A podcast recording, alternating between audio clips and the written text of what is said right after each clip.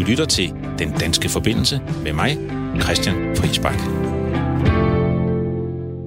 Velkommen til Den Danske Forbindelse. Det er programmet, hvor jeg taler med danskere, der er eller har været ude i verden og ser på, hvordan verden har forandret sig i den sidste uge. EU var ved at varme op til den helt store klimaplan i december, men så kom coronakrisen. Går det galt, eller går det godt med klimakampen i EU? Vi taler med en kendt dansk tidligere klimakommissær, i anledning af, at der er kommet lidt nye klimaforslag i EU i denne her uge. We will never surrender. Vi overgiver os aldrig. Sådan lyder det nu i Hongkongs gader igen, efter en kontroversiel sikkerhedslov vedtaget af den kinesiske folkekongres. Det kan gå helt galt. Lyt med om lidt. Det internationale samarbejde har været presset herunder krisen. I dag ser vi på FN og hvilke konsekvenser coronakrisen kan få for de forenede nationer. Og så tager vi til Indien, hvor 1,3 milliarder mennesker har været lukket inde, og hvor der er dramatiske rapporter om nye etniske og religiøse stridigheder om konsekvenserne af coronakrisen for migrantarbejderne. Men måske er der også andre sider af historien. Lyt med til sidst i programmet. Og husk, skriv til os på den danske forbindelsesnabelag radio4.dk, hvis du har kommentarer eller gode idéer til programmet. Velkommen til den danske forbindelse.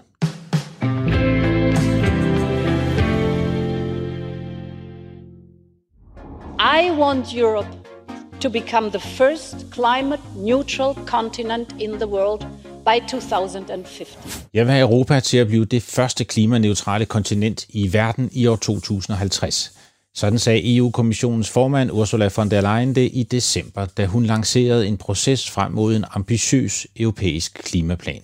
Men så kom coronakrisen, og der blev meget stille omkring klimaet indtil i den her uge, hvor en række elementer i EU-kommissionens klimaudspil kom frem.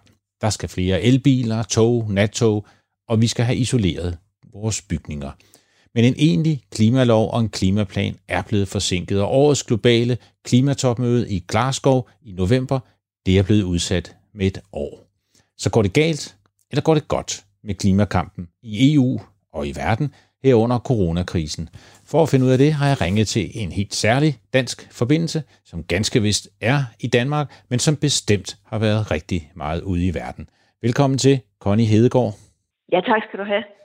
I dag formand for Tænketanken Concito og for KR-fonden og for Aarhus Universitet og en masse andre ting, men tidligere EU-klimakommissær. Hvordan tror du, coronakrisen rammer EU's klimapolitik? Altså lige nu ser det jo faktisk ud, som om der er et meget stærkt fokus på at lave sådan øh, recovery, øh, genstarten efter coronakrisen, og virkelig bruge den til at få taget nogle store skridt på klima. Men altså, det er jo stadigvæk tidligt at sige, fordi jeg tror ikke, vi har set det værste af, af krisen endnu. Jeg kunne jo håbe, at det vi ser i Europa i lyset af corona, det er, at stadig flere mennesker, også stadig flere politikere har forstået, det er altså ret dyrt ikke at lytte til videnskaben. Det er ret dyrt at møde store kriser uforberedt. Det er måske også en god idé, hvis man samarbejder lidt om, hvordan man skal løse nogle store udfordringer, før det rigtig brager løs. Det kunne man jo have gjort på sundhedsområdet. Det gjorde man ikke, så man fik tingene værre, end man ellers ville have, have gjort.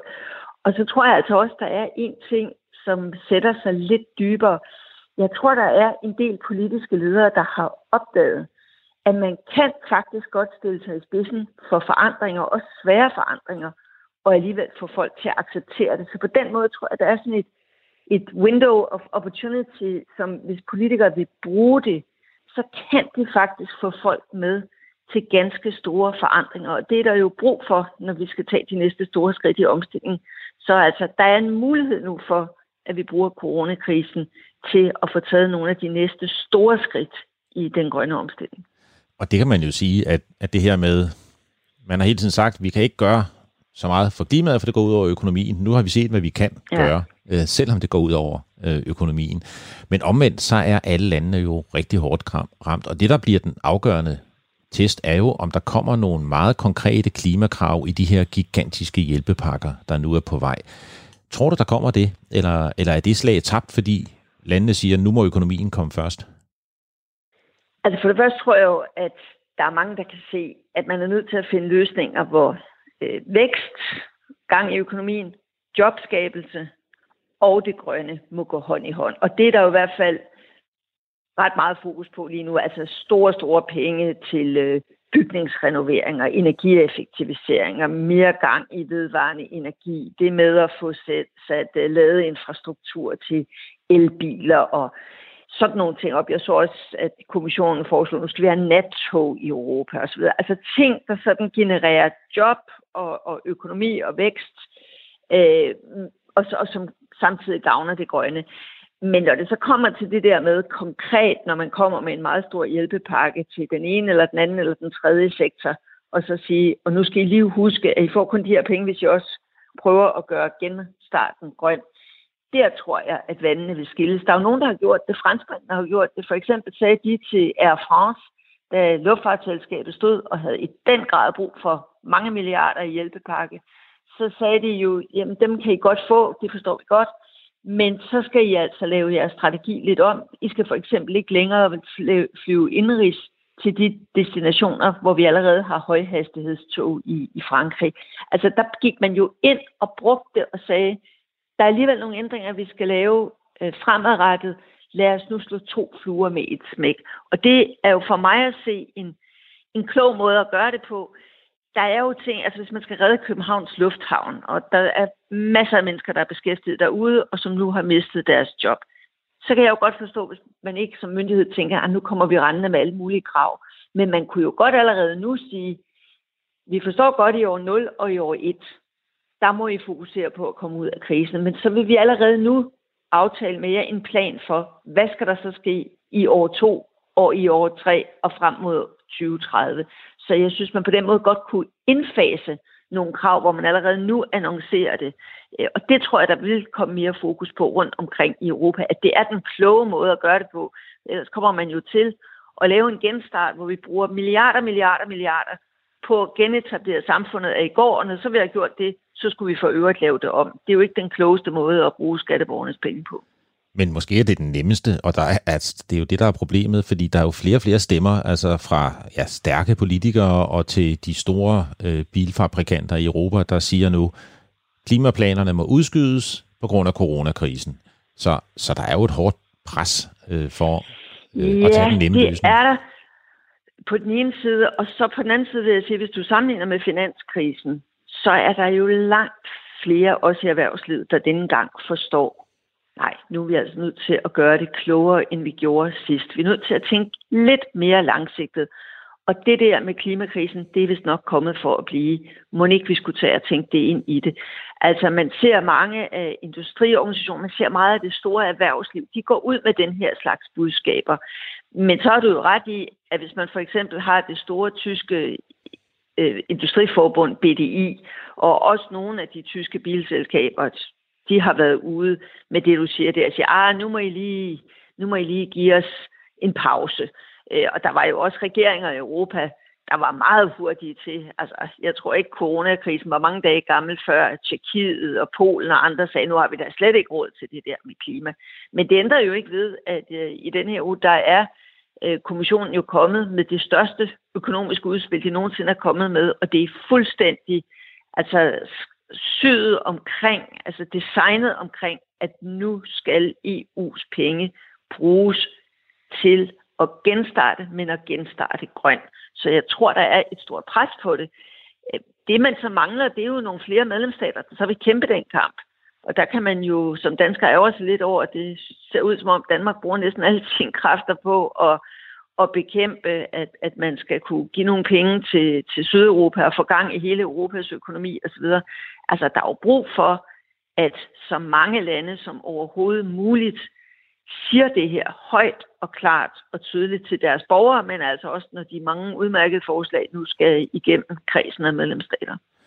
Og hvis du nu skulle til på højre og måske venstre hånd, hvor, hvor mange lande siger det? Hvilke lande står der og siger, nu skal vi virkelig give den gas på klimaet, eller gøre alt, hvad vi kan på klimaet i den her svære økonomiske krise?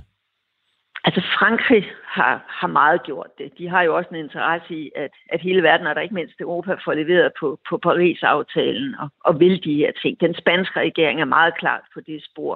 Og så var det nye jo her for et par uger siden, at Merkel holdt en, en tale i, i et internationalt klimaforhandlingsforum, der hedder Petersberg-dialogen, og der fik Merkel altså endelig placeret Tyskland klart for dem, der også synes, at den her genåbning skal være grøn. Og så er der jo en hel del andre lande. Øh, Østrig har de grønne med i regeringen og er, er, er på, de, på den gode side her. Øh, Sverige, Holland, Danmark. Men lige præcis de fire lande, jeg nævner der, det er jo altså også nogle af dem, der er kendt som sparebanden, og de slås nogle ja. lidt andre kampe. Ja. Og det, det er jo lidt ærgerligt, fordi altså på den måde, at, at vi har brug for deres stemmer der. Men, men der er altså faktisk en 17-18 lande ud af, af de 27, der har med, sagt, at de gerne vil være med på en grøn genstart så kan du sige, at det er jo ikke nok, man skal jo have alle ombord. Ja, men man plejer jo sådan i EU-systemet, hvis det sådan er tre lande eller fire, der, der er meget lorne og ikke rigtig vil være med. Polen kunne jo i det her tilfælde være, være et af dem, Ungarn, øh, Tjekkiet. Så kan det håndteres, og da der er så mange penge i spil, som de jo har udsigt til at få en pæn del af, øh, så har man jo også noget at handle med. Men det kræver altså, at alle de lande, der egentlig synes, det er vigtigt med det grønne, at de så også prioriterer det, når de sidder i de der armlægninger, de kommer til at sidde med i den kommende tid. Godt, vi håber, at den danske regering lytter med. Øh, men er der andet i coronakrisen, vi kan bruge positivt i klimakampen, hvis du nu tænker længere frem? Ja, jeg tror altså, der bliver siddende noget hos, hos mange af os om det der med at bygge resiliente samfund. Altså det taler man om meget sådan i det internationale resilient er sådan et besværligt ord på dansk, men altså at man sådan modstandsdygtige, bygger, eller hvad det hedder? Robuste øh, samfund, modstandsdygtige. Altså, at man tænker lidt mere frem. Vi har jo haft nogle år, hvor det sådan i den grad har handlet om det super korte sigt. Og der tror jeg, der bliver noget siddende sådan hos rigtig mange mennesker, også hos rigtig mange beslutningstagere, at nej, det er altså en dyr måde at, at køre samfundet på. Vi er nødt til at tænke en lille smule mere langsigtet. Vi er nødt til at turde tage også nogle af de svære valg og være forberedt, når de der klimaforandringer, som vi ved kommer, rammer os. Og så tror jeg altså, at der er sket et eller andet med, med mange af os, som nok ikke sådan helt er, er sunket ned hos hver enkelt af os endnu, men er det ikke som om, vi under den her coronakrise har, har fundet sådan ud af, at, at det vi troede var sådan aller, aller vigtigste i, i måden, vi sådan levede vores liv på, det var måske slet ikke det vigtigste. Jeg tror, nogle af os vil ændre vaner. Jeg tror, der er mange mennesker, der har fået sådan øjnene op for, at naturen spillede en større rolle for dem, end de måske egentlig var klar over. Øh, jeg tror, vi vil se meget mere sådan hjemmearbejde og, og, og virtuelt, øh, virtuelle møder, altså forretningsrejsen, tror jeg, virkelig vil ændre sig. Folk vil rejse mindre på kryds og tværs for et møde på, på to eller fire timer, eller for den sags skyld en dag. Man har fundet ud af, at teknologien kan faktisk hjælpe os med nogle ting. Så jeg tror, der kommer sådan nogle, nogle vaner og nogle værdier, der ændrer sig lidt. Og som jeg sagde indledning, også sådan lidt flere mennesker, der siger, Nå, men det er måske egentlig ikke så svært at lave om på noget, vi troede var indgroede vaner. Så hvis man gør det klogt, så tror jeg sådan, at man kan skabe et nyt fællesskab omkring de her ting og sige, hold da op, skulle vi nu ikke til at være den region i verden, der viser resten af verden, hvordan man håndterer klimaudfordringen, gør det på en interessant måde, gør det på en måde, hvor man har borgerne med sig, og samtidig også på en måde, der styrker vores økonomi, vores innovationskraft, og altså derigennem også kan skabe nogle job. Det er en alvorlig krise, men tusind tak for en, synes jeg, optimistisk øh, analyse. Tak fordi du var med, Connie. Jamen tak fordi jeg måtte. God dag. Tak i lige måde. Tidligere EU-klimakommissær og i dag formand for Tænketanken Concito, der netop har fokus på klimaet, KR-fonden og Aarhus Universitet. Du lytter til Radio 4. We must stand up and fight and to let Beijing know that we will never surrender. And today, more than 1000 Hong Kongers gather on street again is the proof that we will fight back. Vi vil kæmpe, vi vil aldrig overgive os. I dag er over 1000 Hongkong-beboere på gaden vi kæmper tilbage, vi overgiver os ikke. Sådan lød det fra en ung demonstrant her på Sky News for få dage siden, da demonstranterne i Hongkong blussede op igen. Vreden og demonstrationerne er tilbage, fordi den kinesiske folkekongres, det tætteste Kina kommer på et parlament, i denne uge har godkendt en omstridt sikkerhedslov. Den betyder, at Kina kan tage kontrol over mere af selvstyret i Hongkong og straffe de borgere, der tilskynder til oprør eller forræderi eller til løsrivelse. Loven den forventes at være på plads før efterårets parlamentsvalg i Hongkong. Derfor protesterer de nu, og det har også ført til hård kritik fra USA. Amerikanerne siger, at loven vil undergrave Hongkongs status som et selvstændigt internationalt finanscentrum, og den amerikanske udenrigsminister Mike Pompeo har udtalt i en erklæring, at Hongkong nu ikke længere kan have særstatus som et selvstændigt land i den amerikanske lovgivning. Loven tilsidesætter nemlig Hongkongs egen lovgivende forsamling, når det gælder handlinger, som er anset for at være en fare mod den nationale sikkerhed. Og det mener amerikanerne er en de facto fjernelse af Hongkongs selvstyre, og en kinesisk kæppehjulet på den demokratibevægelse og de 100.000 af mennesker i Hongkong, der har været på gaden og kæmpet for frihed og demokrati. Den tidligere britiske guvernør i Hongkong, Lord Patton, har kaldt loven for oprørende. Men hvordan er reaktionen i Hongkong? Og for at finde ud af det, har jeg nu ringet til en af vores gode danske forbindelser, Jan Mandrup Olsen. Velkommen til, Jan. Ja, tak som arbejder i Hongkong for et udenlandsk forsikringsselskab med digitalisering, og har været i Hongkong i snart tre år, i hele den her periode, hvor der har været øh, uroligheder, og så coronavirus, hvor der blev helt stille på gaderne. Men nu er urolighederne og demonstrationerne tilbage igen, Jan. Er det rigtigt? Ja, det er korrekt. Det er blusset op igen, øh, eftersom at de nu også føler sig sikre til at komme, komme ud på gaderne igen. Ja. Og hvor, hvor, hvor voldsomt er det? Jamen, øh, indtil nu har jeg stort set ikke. Jeg, jeg bor stort set lige midt i byen, hvor, øh, hvor det var øh, rigtig slemt sidst. Øh, men det har ikke været... Øh, jeg har ikke mærket til det overhovedet endnu. Det har været meget øh, små steder, eller meget små demonstrationer på meget speci- øh, specifikke steder. Øh. Ja, men, men stemningen er vel blevet lidt mere intens her efter, at den kinesiske folkekongres har stemt den her sikkerhedslov øh, igennem. Hvad tror du, det kommer til at betyde? Hvad siger, hvad siger dem, du taler med derude? Jamen, folk er, ved jo, hvordan øh, Big Brother er i, i Kina, og øh, det er absolut ikke noget, nogen ønsker. Øh, og man kan se kommentarerne på Facebook, og når man snakker med folk, at det er absolut ikke... Øh, alle frygter, at det bliver ligesom i Kina, hvor der er stort set restriktioner på alt, hvad du kan øh, øh, i form af kommunikation og ytre dig. Og tror du, det vil give, altså er, er der sådan bred enighed om, at den sikkerhedslov er en dårlig øh, idé, eller er der igen sådan lidt delte meninger? Jeg vil sige, den her tror jeg, der, der er ikke nogen, der er positiv øh, Nej. i den her omgang. Nej. Kommer det til at give uroligheder? Tror du det? Helt sikkert. Det her, allerede inden øh, den her øh, sikkerhedslov blev øh, diskuteret, jamen der var det øh, snakkede vi om det i, i, øh, i de udenlandske kredse, at så snart coronavirusen er på et niveau, hvor folk kommer ud på gaden igen, jamen så kommer protesterne tilbage med den eksisterende øh, lov, de, de, de kom igennem. Øhm, så nu at de, de, de skærper øhm, retorikken, og, og nu foreslår den her nye lovgivning, jamen det vil kun øh, få det til at komme tilbage øh, øh mere voldsomt. Det er, det er min øh, forudsigelse. Ja, men der er jo også, altså demokratibevægelsen og demonstrationerne har jo også virkelig øh, skabt debat i Hongkong, og den økonomiske vækst er gået ned, og så, så der er jo også dem, der, der holder med Kina, men, men de, er, de er lidt mere stille nu. Er det, er det sådan, det, det er? Jeg tror ikke... Øh, jeg tror, dem, der virkelig holder med Kina, jamen de... Jeg tror ikke, de har ændret mening. Øhm, men jeg tror, alle er, er trygge, om du er Hongkong, Hongkonger, eller du er kineser, der er immigreret. Jeg tror, alle er presset af situationen, så øhm, måske det ikke er så højlydt, men jeg tror, alles øh, grundholdningerne er de samme. Ja. Hvorfor er det, sikkerhedsloven skaber den her vrede og, og usikkerhed?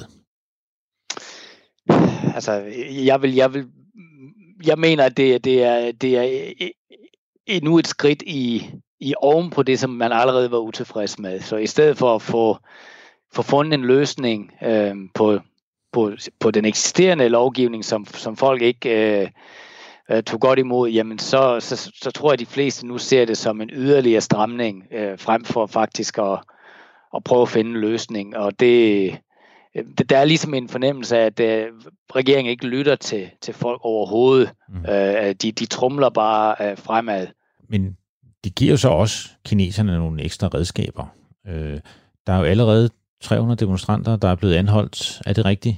Uh, ja, det, skal, det, skal, det tror jeg passer meget godt. Ja, men tror man ikke, at nu vil kineserne slå endnu hårdere ned på demonstrationerne og urolighederne, og måske endda altså bruge det som en anledning til lige frem og, øh, at sende, sende tropper til, til Hongkong? Er man også bange for det?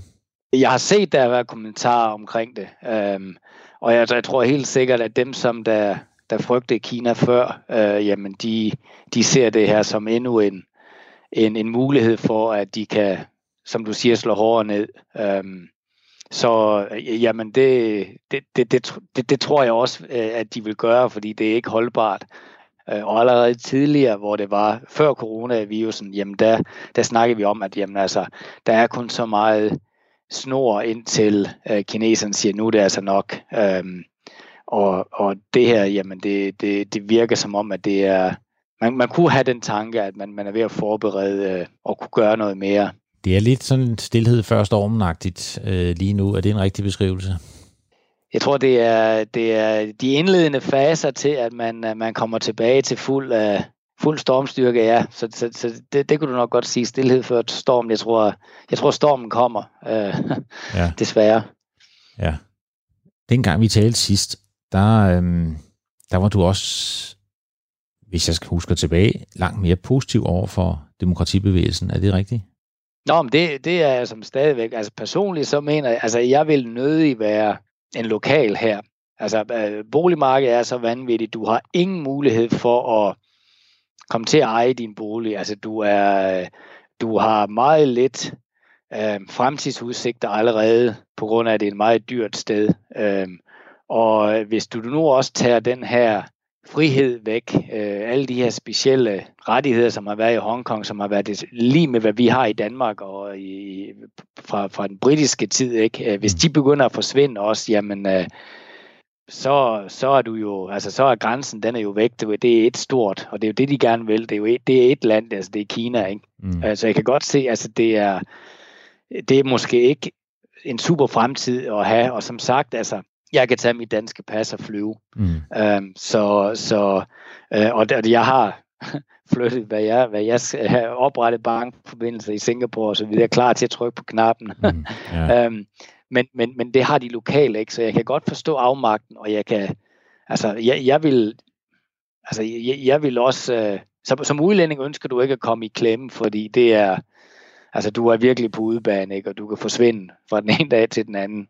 Øh, ja. med en eller anden kinesisk uh, politi eller et eller andet. Ikke? Uh, så, så du har ikke lyst til at rumstere rundt, men jeg kan godt forstå, hvis jeg var lokal her, jamen, så ville, uh, og jeg ikke havde midlerne til at kunne købe mig et cypriotisk eller australsk pas. Ikke? Ja. ja, det er, ikke, det er ikke lige for børn, det der. Det er det altså ikke. Du. Men, uh... Der er rigtig mange, der, der kigger på, hvad er plan B?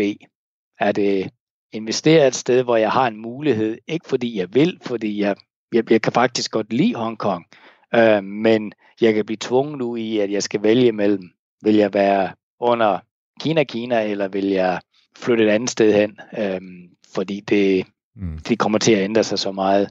Det er det, som alle frygter jo.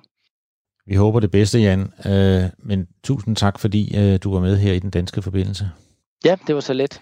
Jan Mandrup Olesen boede tre år i Hongkong, arbejder for et forsikringsselskab derude med digitalisering, og har været i Asien siden 2005.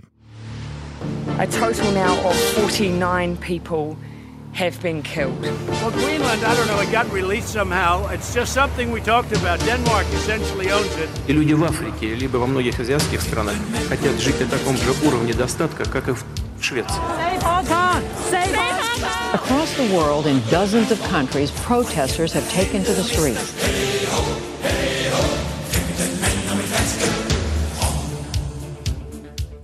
The United Nations, including the World Health Organization, is fully mobilized. As part of our human family, we are working 24 7 with governments, providing international guidance, helping the world take on this threat. We stand in full solidarity. I hører FN's generalsekretær Antonio Guterres, og han siger, at FN er fuldt mobiliseret, inklusive Verdenssundhedsorganisationen, til at hjælpe verdens lande med at takle corona krisen. De står i fuld solidaritet med landene. Men står landene i fuld solidaritet med FN? Ja, det vil vi prøve at finde ud af, fordi coronakrisen har udviklet sig til en krise for det internationale samarbejde. Mange lande har gået ene gang i stedet for at finde fælles løsninger gennem det internationale samarbejde. Der er blevet lukket grænser og kæmpet om masker og respiratorer, og der har på ingen måde været den solidaritet, som mange måske havde håbet på. Verdenssundhedsorganisationen har været under særligt hårdt pres, fordi præsident Trump øh, erklærede, at han ville trække støtten til organisationen og endda måske melde sig ud. Og hele FN er kommet under pres. FN's generalsekretær erklærede ellers, at verden skulle erklære krig mod coronavirusen. We must declare war on this virus. Men FN's Sikkerhedsråd har ikke kunne blive enige om, hvordan den krig skulle udkæmpes, og opgaverne for FN tårner sig op med en sundhedskrise, en økonomisk krise, en lurende fattigdomskrise, en sultkatastrofe på vej og menneskerettighederne under hårdt pres. Og FN's generalsekretærs opfordring til, at alle stridende parter i verden skulle holde våbenhvile, har ikke virket. I mange lande fortsætter kampene og konflikterne. Så vil coronakrisen få mere vidtrækkende og negative konsekvenser for FN og det internationale samarbejde? Det vil jeg finde ud af, og derfor har jeg ringet til lederen af Danmarks repræsentation til FN i New York, ambassadør Martin Bille Hermann. Velkommen til, Martin. Jo, tusind tak. Hvordan har FN klaret coronakrisen? Det er det store spørgsmål. Ja, det, det er det. Og set herfra, set herfra fra et sådan stille uh, New York en, en, en, en, en, en tidlig morgen, så, så faktisk, øh, faktisk godt, det må man sige. Øh, jeg tror også, det er vigtigt at huske på, at FN selvfølgelig rigtig, rigtig mange ting, men det man kunne kalde generalsekretærens øh, FN, organisationen FN, har sådan set, øh, har sådan set reageret, øh, reageret hurtigt og vel på mange måder gjort det, at, at når, når, når de, der kan tage vare på sig selv, tager vare på sig selv, så, så rykker FN og hjælper dem, der ikke øh, har så let ved at tage vare på sig selv. Så, så jeg tror, det, det samlede helhedsindtryk, det er selvfølgelig, øh, at der er plads til, plads til forbedringer. Det arbejder vi blandt andet også tid til. Men overordnet set må man sige, at FN har reageret hurtigt, resolut med generalsekretæren i spidsen. Men hvorfor er det så, at amerikanerne de er ved at trække sig ud af WHO, som jo også er en del af FN-familien, og at øh, man fra, synes jeg, hører fra FN-organisationerne, at de oplever en stor krise i den måde, som de opererer på, øh, den måde, de kan arbejde på, og, og, og de resultater, som de kan nå? Jamen, så, så er vi tilbage til det, jeg prøvede lidt at sige, det er, at FN er jo rigtig, rigtig mange ting. Ikke? Øh, og det, man kunne kalde generalsekretærens øh, FN, det vil sige organisationerne, FN-sekretariatet, øh, nødhjælpsorganisationerne, børne, FN's børneprogram, sådan de har reageret øh, hurtigere slut. Det går lidt sværere med det, man kunne kalde medlemslandenes øh, FN, og der er ikke mindst, øh, der er ikke mindst Sikkerhedsrådet. For det er klart, at, at, øh, at, at hovedindtrykket i den her krise har jo været, at, at, øh, at folk har, har først og fremmest taget vare på sig selv, øh, og, og det er jo en krise, der ikke mindst har udspillet sig i, øh, i Sikkerhedsrådet, hvor, hvor, øh, hvor de store lande øh, har svært ved at blive enige. Men medlemslandenes øh, FN, som du siger, det er jo dig. Hvorfor er det så, at I ikke kan blive enige? Jo, jeg tror sådan set, at, at, at rigtig mange medlemslande kan blive, kan blive enige om rigtig øh, mange ting, og der er også, der er også vedtaget resolutioner, øh, som, øh, som, øh, som bakker op om FN og understreger behovet for, at vi sådan set arbejder sammen, øh, både i forhold til den umiddelbare, det man kunne kalde den sundhedsmæssige krise, nemlig håndteringen af, af, af virusen, øh, men også det, man kalder den humanitære øh, krise. Det der med at tage vare på dem, der har aller, aller øh, mindst, enten det er i flygtningelejre eller, eller folk, på, øh, folk på flugt.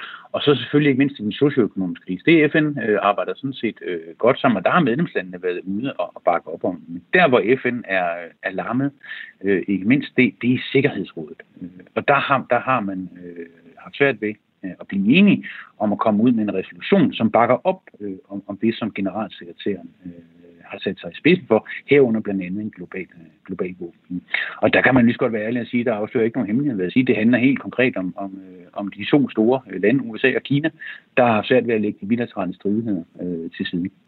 Så det handler om øh, en splittelse mellem USA og Kina, og det handler knap så meget om FN, den, den splittelse, du oplever? Det, det tror jeg godt, man kan sige. Øh, altså det, som, som forlyderne er, det er jo sådan set, at der, der er sådan set i, i Sikkerhedsrådet, der er sådan set enighed om øh, at, bakke, øh, at bakke op om generalsekretærens våbenmil. Man går ikke helt så langt som, som bakker op om global våbenmil, men det man kalder en, en, et, et, et ophør af stridigheder øh, og, og en humanitær pause øh, på de konflikter, der er på Sikkerhedsrådets dagsorden. Det indtryk er det, man sådan set øh, i, i vidt omfang enige øh, om, men det er en masse andre ting, man ikke kan blive, øh, kan blive enige om, og det blokerer så øh, øh, for, at Sikkerhedsrådet kan vedtage en, øh, en resolution, der bakker op om den opfordring til, øh, til en global, øh, global våbenhvile, som generalsekretæren kom med i marts. Men som der ikke er ret mange, der har lyttet til. Ja, der er, ikke, der er ikke helt så mange, der har lyttet til, som man gerne vil have det. Det er også klart, at man taber en masse momentum, når der nu øh, er gået mere end to måneder, øh, siden generalsekretæren kom med den opfordring, sikkert stadigvæk har været ude og lægge sin vægt øh, bag det. Men der er dog en række øh, oprørsbevægelser og andre rundt omkring i verden, som har sagt, at i hvert fald har sagt, at de vil efterleve det. Men samtidig ser vi jo også, øh, ser vi jo også øh, stigende konflikter øh, rundt omkring øh, i verden. Og det var jo, så vidt jeg forstår, blandt andet af anledningen til, at generalsekretæren gik ud. Det var jo blandt andet også for at sende et advarselssignal, men nu skal man ikke udnytte, øh, udnytte situationen øh, med covid-19 til, om så må sige, at sætte yderligere, sætte yderligere tryk på de væbnede kampe. Du siger det her med, det, der svigter, det er i virkeligheden medlemslandene, og dermed medlemslandenes opbakning til FN's generalsekretær og til FN. Er det et tegn også om, hvad der kommer til at ske på længere sigt, eller er det her sådan en kortsigtet effekt, eller tror du, coronakrisen vil, vil splitte os i det internationale samarbejde, også på lidt længere sigt? Det er jo det helt store spørgsmål. Øh, altså generalsekretæren har været klar i mailet. Han har, han har jo kaldt forholdet mellem øh, altså de, de største magter i verden for dysfunktionelt for nylig. Og det kan man jo sige, det er jo ikke en, Øh, det er jo ikke en ny ting, men måske nok noget, der er blevet, der er blevet accelereret og forstærket under, under den her øh, krise. Og det er, helt, det, altså, det er jo det helt store spørgsmål. Det er jo, om, om, om, om covid-19-krisen øh, vil samle øh, verdens nationer i fælles beslutsomhed, eller om den vil, vil drive os længere fra hinanden. Øh, og det tror jeg, set her fra New York, og jeg har naturligvis ikke det fulde billede, at det er simpelthen for tidligt at sige noget øh, om endnu. Men, men hvad skal der til? Altså for at FN kan blive samlingspunktet. Er der noget, FN kan, kan gøre? Er der noget, I kan gøre i New York for at skabe det momentum, der skal til for, at krisen den samler os? Hvad, hvad, hvad, hvad er det vigtige her? Altså det, man kan sige, det er, at landene i FN's generalforsamling, de 193, øh, de 193 lande, har jo løbende, de fleste af dem, om som sige, undervejs sendt, øh, sendt støtteerklæringer ud øh, til ligesom generalsekretæren ligesom har sat på dagsordenen. Og det har jo ikke kun været en global våben. Det har også været at sende et socioøkonomisk rammeværk ud om behovet for, at vi, øh, man så må sige, genopbygger øh, eller genstarter økonomierne, om man så må sige, i, i overensstemmelse med dets verdensmål og selvfølgelig, øh, selvfølgelig Paris-aftalen. Ud fra den erkendelse, at klimakrisen er jo ikke gået væk øh, under, under covid-19. Det har været at sætte fokus på menneskerettigheder. Generalsekretæren har kaldt det her ikke en, en, en, øh, om man så må sige, en sundhedskrise, men en menneskelig øh, en, en menneskelig krise, og der var behov for at beskytte, øh, beskytte menneskerettigheder i alt det. Han har sat fokus på, på svage øh, og marginaliserede grupper, hvad det er handicappede, ældre, øh, kvinder, øh, kvinder og børn, og behovet for, at man tager hånd om dem i den her, dem, dem i den her helt, helt særlige situation. Og der har en lang række af FN's medlemslande jo været ude med støtteerklæringer og sagt, at det bakker vi øh, fuldt og helt, øh, fuldt og helt op om. Og så helt aktuelt sidder man øh, selvfølgelig kigger på det her jo på mange måder, ikke kun et historisk år på grund af covid-19, men det er også 75 år for FN's øh, dannelse. Øh, og, og man sidder jo og kigger på, øh, hvordan er det, at man om så må sige, markerer øh, det. Der er nok ikke nogen tvivl om, at, at, at, øh, at der er mange medlemslande, som håber, at, at det, bliver, det bliver en markering, som kigger mere fremad, snarere end bare at højtidligholde, øh, at vi nu har haft FN i 75 øh, år. Generalsekretæren har kaldt den her øh, krise for den største krise, verden har, været, har været udsat for siden FN, siden FN blev dannet. Så, så der er meget på spil i det her på mange måder historisk år. Og store kriser har jo ofte samlet os. FN blev dannet efter 2. verdenskrig, men, men der er jo lidt tendenser til, at det splitter os, og som du, som du siger det. Og, og det er nu at du selvfølgelig, du bakker op om FN og generalsekretæren, og det ligger lidt i den jobbeskrivelse, du har også, øh, og, og, og det, det synes jeg også er godt. Men er der ikke lidt selvrensagelse hos FN også øh, i den her tid? Fordi en ting er, at amerikanerne måske, øh, som er indrigspolitiske hensyn, øh, går ud og angriber Verdenssundhedsorganisationen men, men, og, og kræver reformer, men de har jo også krævet reformer af sekretariatet, af UNESCO, af klimaforhandlinger. Så er der ikke brug for lidt selvrensagelse? Fordi en ting er, at amerikanerne bulrer, men der er jo også en række andre lande, der ligesom stiltigende, eller mere eller mindre stiltigende, bakker op om, at der skal ske nogle reformer i FN. Der er i høj grad, øh, der er i høj grad brug for, for reformer i FN, og det er jo en, en øh, at det er en dansk, øh, det er en dansk mærkesag, noget vi har været bannerfører for øh, i lang tid. Det er selvfølgelig, det er selvfølgelig det, der er den helt centrale del i min jobbeskrivelse, det er jo at, at fremføre de danske synspunkter og arbejde for de danske øh, prioriteter og mærkesager. Og det er jo noget af det, som, som blandt andet den her generalsekretær, siden han satte sig i stolen 1. januar 2017, har jo været var den første til at sige, at der er brug for reformer øh, af FN. Der er brug for reformer af den måde, som FN's udviklingssystem arbejder på, den måde, hvorpå man bruger de knap 120 milliarder kroner, der ligger i udviklingssystemet. Øh, der er brug for reformer af den måde, man arbejder med fred og sikkerhed på øh, i de fredsbevarende operationer i FN's øvrige dele, der arbejder med fred og sikkerhed. Og så er der frem for alt brug for, for reformer af den måde, som øh, organisationen øh, FN øh, fungerer.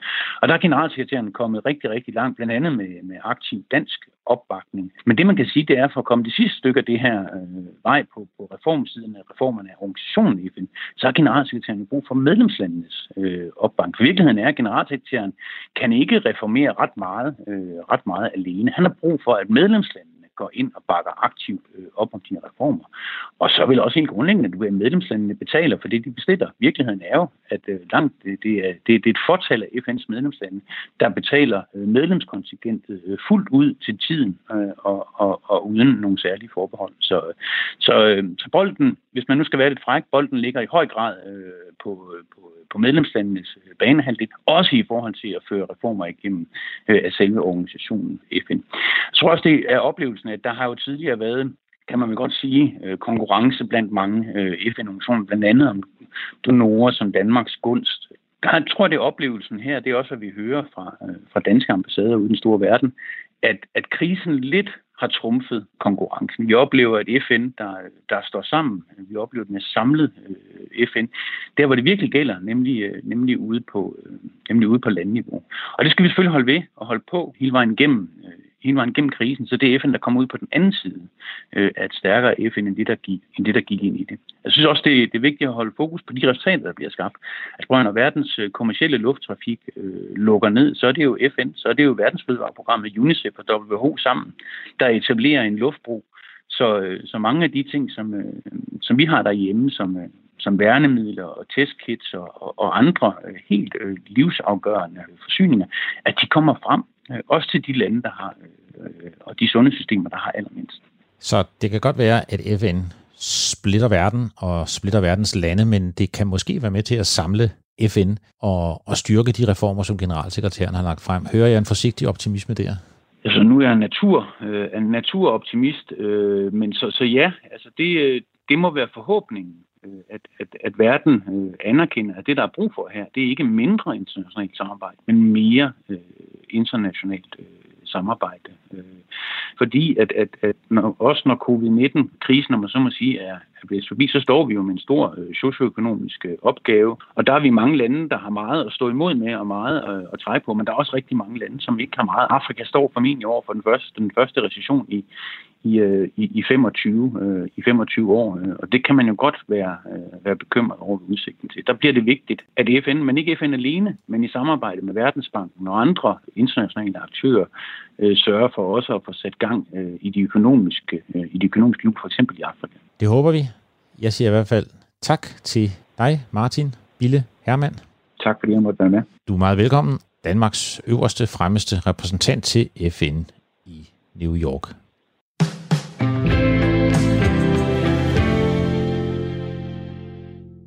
बच्चे बुजुर्ग छोटे बड़े गरीब मध्यम हर वर्ग के लोग हर कोई परीक्षा की इस घड़ी में साथ आया Børn og gamle, store som små, rig og fattig, alle må vi stå sammen i denne krise. Og med de ord fra den indiske premierminister Narendra Modi startede verdens største lockdown. 1,3 milliarder mennesker i et land, der nu har været stort set helt lukket ned siden den 24. marts. Det er virkelig dramatisk, og konsekvenserne har været virkelig barske. Millioner af indere er blevet arbejdsløse. Arbejdsløsheden er steget fra omkring 8% til 27 procent, mere end hver fjerde inder.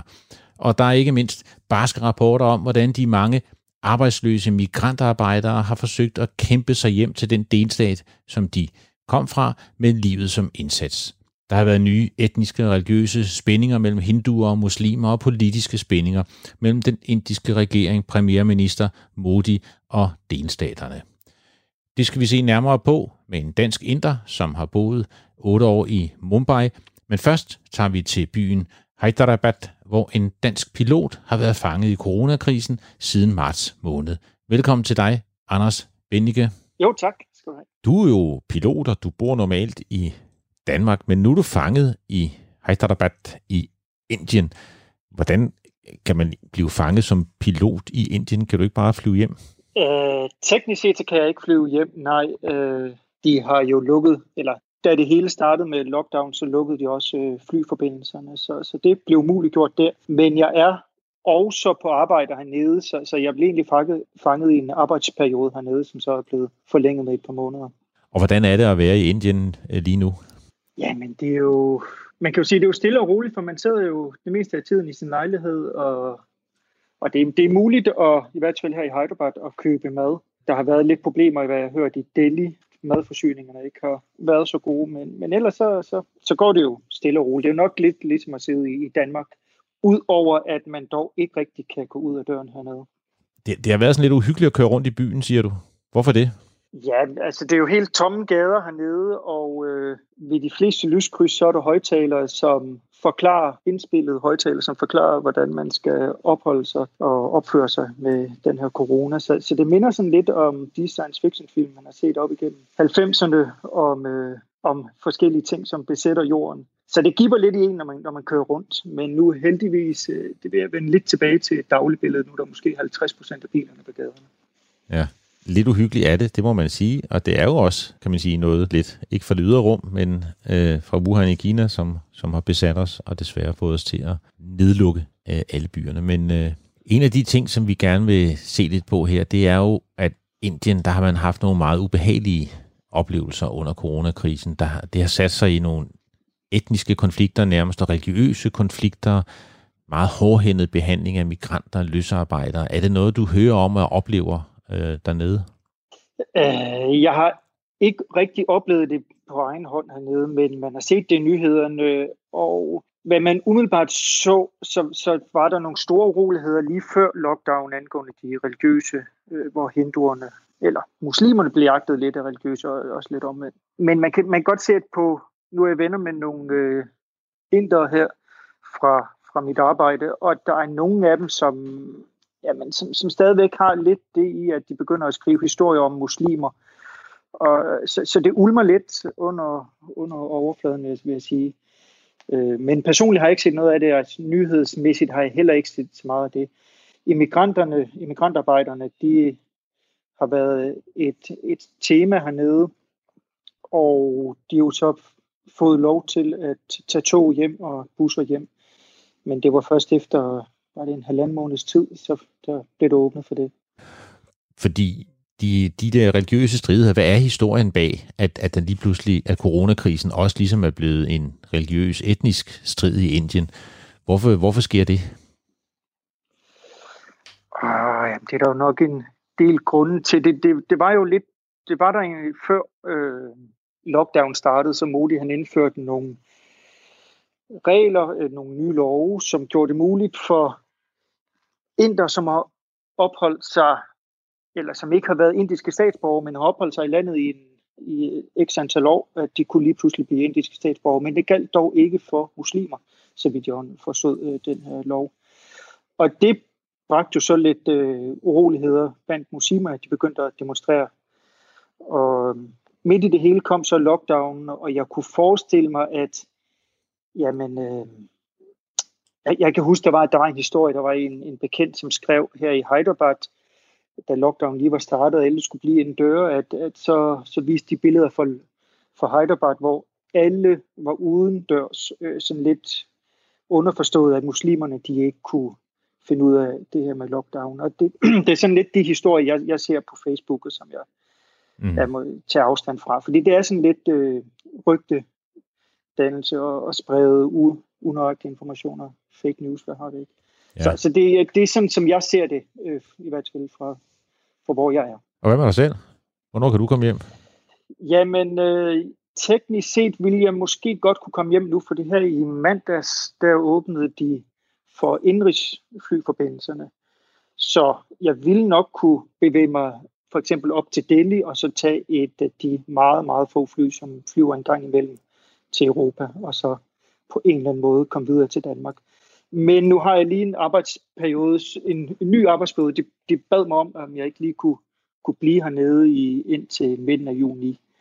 Øh, da de måske, ja, nu, nu er jeg jo inden for flybranchen, så, så den er åbnet igen, så, så kan det være, at de får, får brug for mig. Ja, men for du er jo pilot.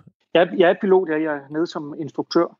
Nå, okay. Og skal træne for et øh, selskab hernede, træne deres piloter både i, i luften og i simulator. Okay. Så, så det, er, det, er, det er muligt nu. Så de vil, de vil nok gerne lige have, at jeg lige bliver her lige for at se tiden an. Men du kan ikke bare lige snuppe et fly selv, og så flyve hjem? Nej, det, de, de enkelte fly... nej, tag mit eget fly. Nej, det tror jeg ikke, vi vil blive så glade for. nej, det er det. Jeg håber, at det kommer til at gå godt for dig dernede, og tak for et lille indblik ind i, hvordan det opleves i Hyderabad i Indien. Tak fordi du var med, Anders Bennike, og held og lykke dernede. Tak skal du have. Det var en dansker, fanget i Indien under coronakrisen. Nu gør vi det modsatte. Nu taler vi med en dansk inder, fanget i Danmark.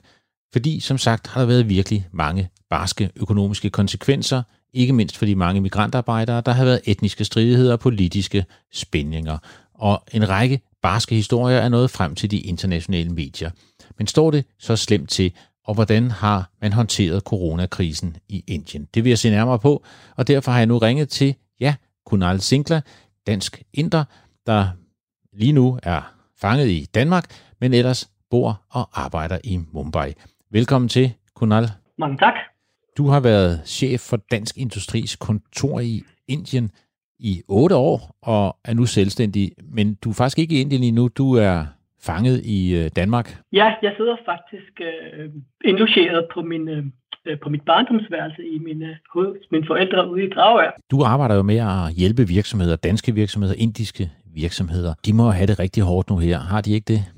Jo, det er klart. Altså øh, på, øh, på, på helt kort sigt, øh, så, øh, så, så, så lider erhvervslivet øh, selvfølgelig i, øh, i Indien, ligesom det også gør i rigtig, rigtig mange andre lande, også her i Danmark. Men øh, lige nu øh, kan man sige, at øh, det er ret vigtigt lige at forstå, hvad, hvad lockdown egentlig øh, betyder. Det har været øh, et, et decideret udgangsforbud, man indførte i slutningen af marts. Med øh, fire timers varsel øh, indførte premierminister ja. Modi øh, verdens drenge, et af verdens allerstrengeste og i skala mest omfattende øh, udgangsforbud øh, på global plan. Så øh, i, øh, i over to måneder nu, øh, det er blevet forlænget nogle gange, øh, har folk sådan i hele Indien, øh, på tværs af de forskellige delstater osv., faktisk kun kunne forlade deres hjem øh, i forbindelse med øh, helt essentielle øh, handlinger som indkøb og hospitalsbesøg og den slags ting. Det har jo også haft politiske konsekvenser i Indien, ikke mindst omkring de her migrantarbejdere, altså millioner af mennesker, som arbejder i en anden delstat end der, hvor de bor. Øh, og der har været forfærdelige historier om, hvordan de har kæmpet for at komme hjem her under coronakrisen, og hvordan de har virkelig haft det svært. Hvad handler det om i, i Indien? Det handler om, at, øh, at øh, når man indfører en, øh, øh, et så omfattende udgangsforbud, som, som, som Modi gjorde med fire timers varsel, så rammer det alle øh, lag af samfundet rigtig hårdt, men især migrantarbejderne, som øh, meget ofte øh, er daglejere og lever fra hånd til mund, og hvis familier i landsbyerne er helt øh, afhængige af øh, de penge, de kan sende hjem. Og øh, derfor så har der også været øh, meget stor fokus på netop dem, som du er inde på, i forhold til de internationale medier, men sådan set også, øh, hvad der faktisk har været lidt, øh, lidt interessant at se, også i de indiske medier. Og, og, og det har givet nogle en masse ballade også mellem delstaterne og centralregeringen med Modi i spidsen. Det har det, fordi det havde så store øh, negative konsekvenser for de her migrantarbejdere, øh, har de hjælpepakker, der er kommet fra den indiske regering, også været målrettet dem øh, i forhold til øh, at få nogle øh, noget økonomisk tilskud, og i forhold til at kunne få adgang til, til, til mad og, øh, og mad og drikke, den slags helt basale, basale ting. Men regningen for de her hjælpepakker, og regningen for at få de her migrantarbejdere transporteret med tog osv. hjem til de her delstater, øh, har der været en, en del rift om mellem centralregeringen og øh, delstaterne, øh, hvor de øh, kommer fra, og så også faktisk øh, fra de delstater, hvor de øh, PT arbejder i de øh, industrialiserede øh, delstater osv., hvor øh, der nogle gange har været nogle, en, en modsatrettet interesse fra, fra virksomhederne øh, om, at øh, de skal blive der, øh, frem for at tage hjem, så de kan komme hurtigere i gang med produktionen efterfølgende. Men de har kæmpet for at komme hjem, mange af dem, ikke? Øh, og, og endda med store omkostninger, ikke? Og overfyldte tog og busser, og nogen har gået hundredvis af kilometer. De historier hører vi. Er det, er det den virkelighed, der har været i, i Indien? Det er selvfølgelig en af virkelighederne, men øh, som det meget ofte er tilfældet i Indien, øh, er der øh, mange parallelle virkeligheder. Der er et øh, fantastisk citat, som, som siger, at, øh, at Indien lever i flere århundreder på, på samme tid, og øhm, det, det viser sådan set meget godt, at der er flere forskellige øh, realiteter på samme tid. Og øh, en af de realiteter, der også øh, gør, gør, gør sig gældende, er, at, øh, at øh, hele den her coronakrise og deraf følgende migrantkrise i Indien øh, faktisk har fået øjnene op i de forskellige samfundslag. Man skal huske på, at Indien er et meget stærkt klasseopdelt samfund. Men, men, men krisen her har virkelig øh, fået øh, mange folks Øh, øjne op for, i hvor høj grad man egentlig er indbyrdes afhængig de forskellige klasser imellem. Både i forhold til migrantarbejdere på øh, fabrikker og, og den slags ting, men, øh, men også i forhold til servicesektoren, hvor maids, altså hushjælp og chauffører og øh, delivery boys, de her mange nye øh, apps, hvor man kan bestille forskellige ting, alle sammen øh, er nogen, man har taget for givet i, i vid udstrækning, fra den indiske middelklasse og overklasse osv. Øh, og lige pludselig, når de ikke bare er der, og det ikke er en selvfølge, at der er en overflod af dem, så er det virkelig gået op for dem, ja. øh, hvor, øh, hvor indbyrdes afhængig man er. Og mange af dem bliver, mange af dem bliver fremstillet som, som corona-helte nu, og, og store tribute-plakater osv. til mange af de her folk. Det er fuldstændig utænkeligt for bare nogle få måneder siden. Det er da en rigtig øh, positiv ting, at man har fundet ud af, hvor, hvor afhængig man er på tværs af klasser af, af hinanden i, i Indien. Men, men omkring religion har der jo desværre også været nogle spændinger. Øh, det må du lige forklare for os mellem netop hinduer og muslimer. Hvor kom det fra? Øh, helt overordnet har der været meget stor samhørighed og øh, på tværs af religioner og øh, kaster og alle de her slags øh, opdelinger, der ellers kan være i det indiske samfund.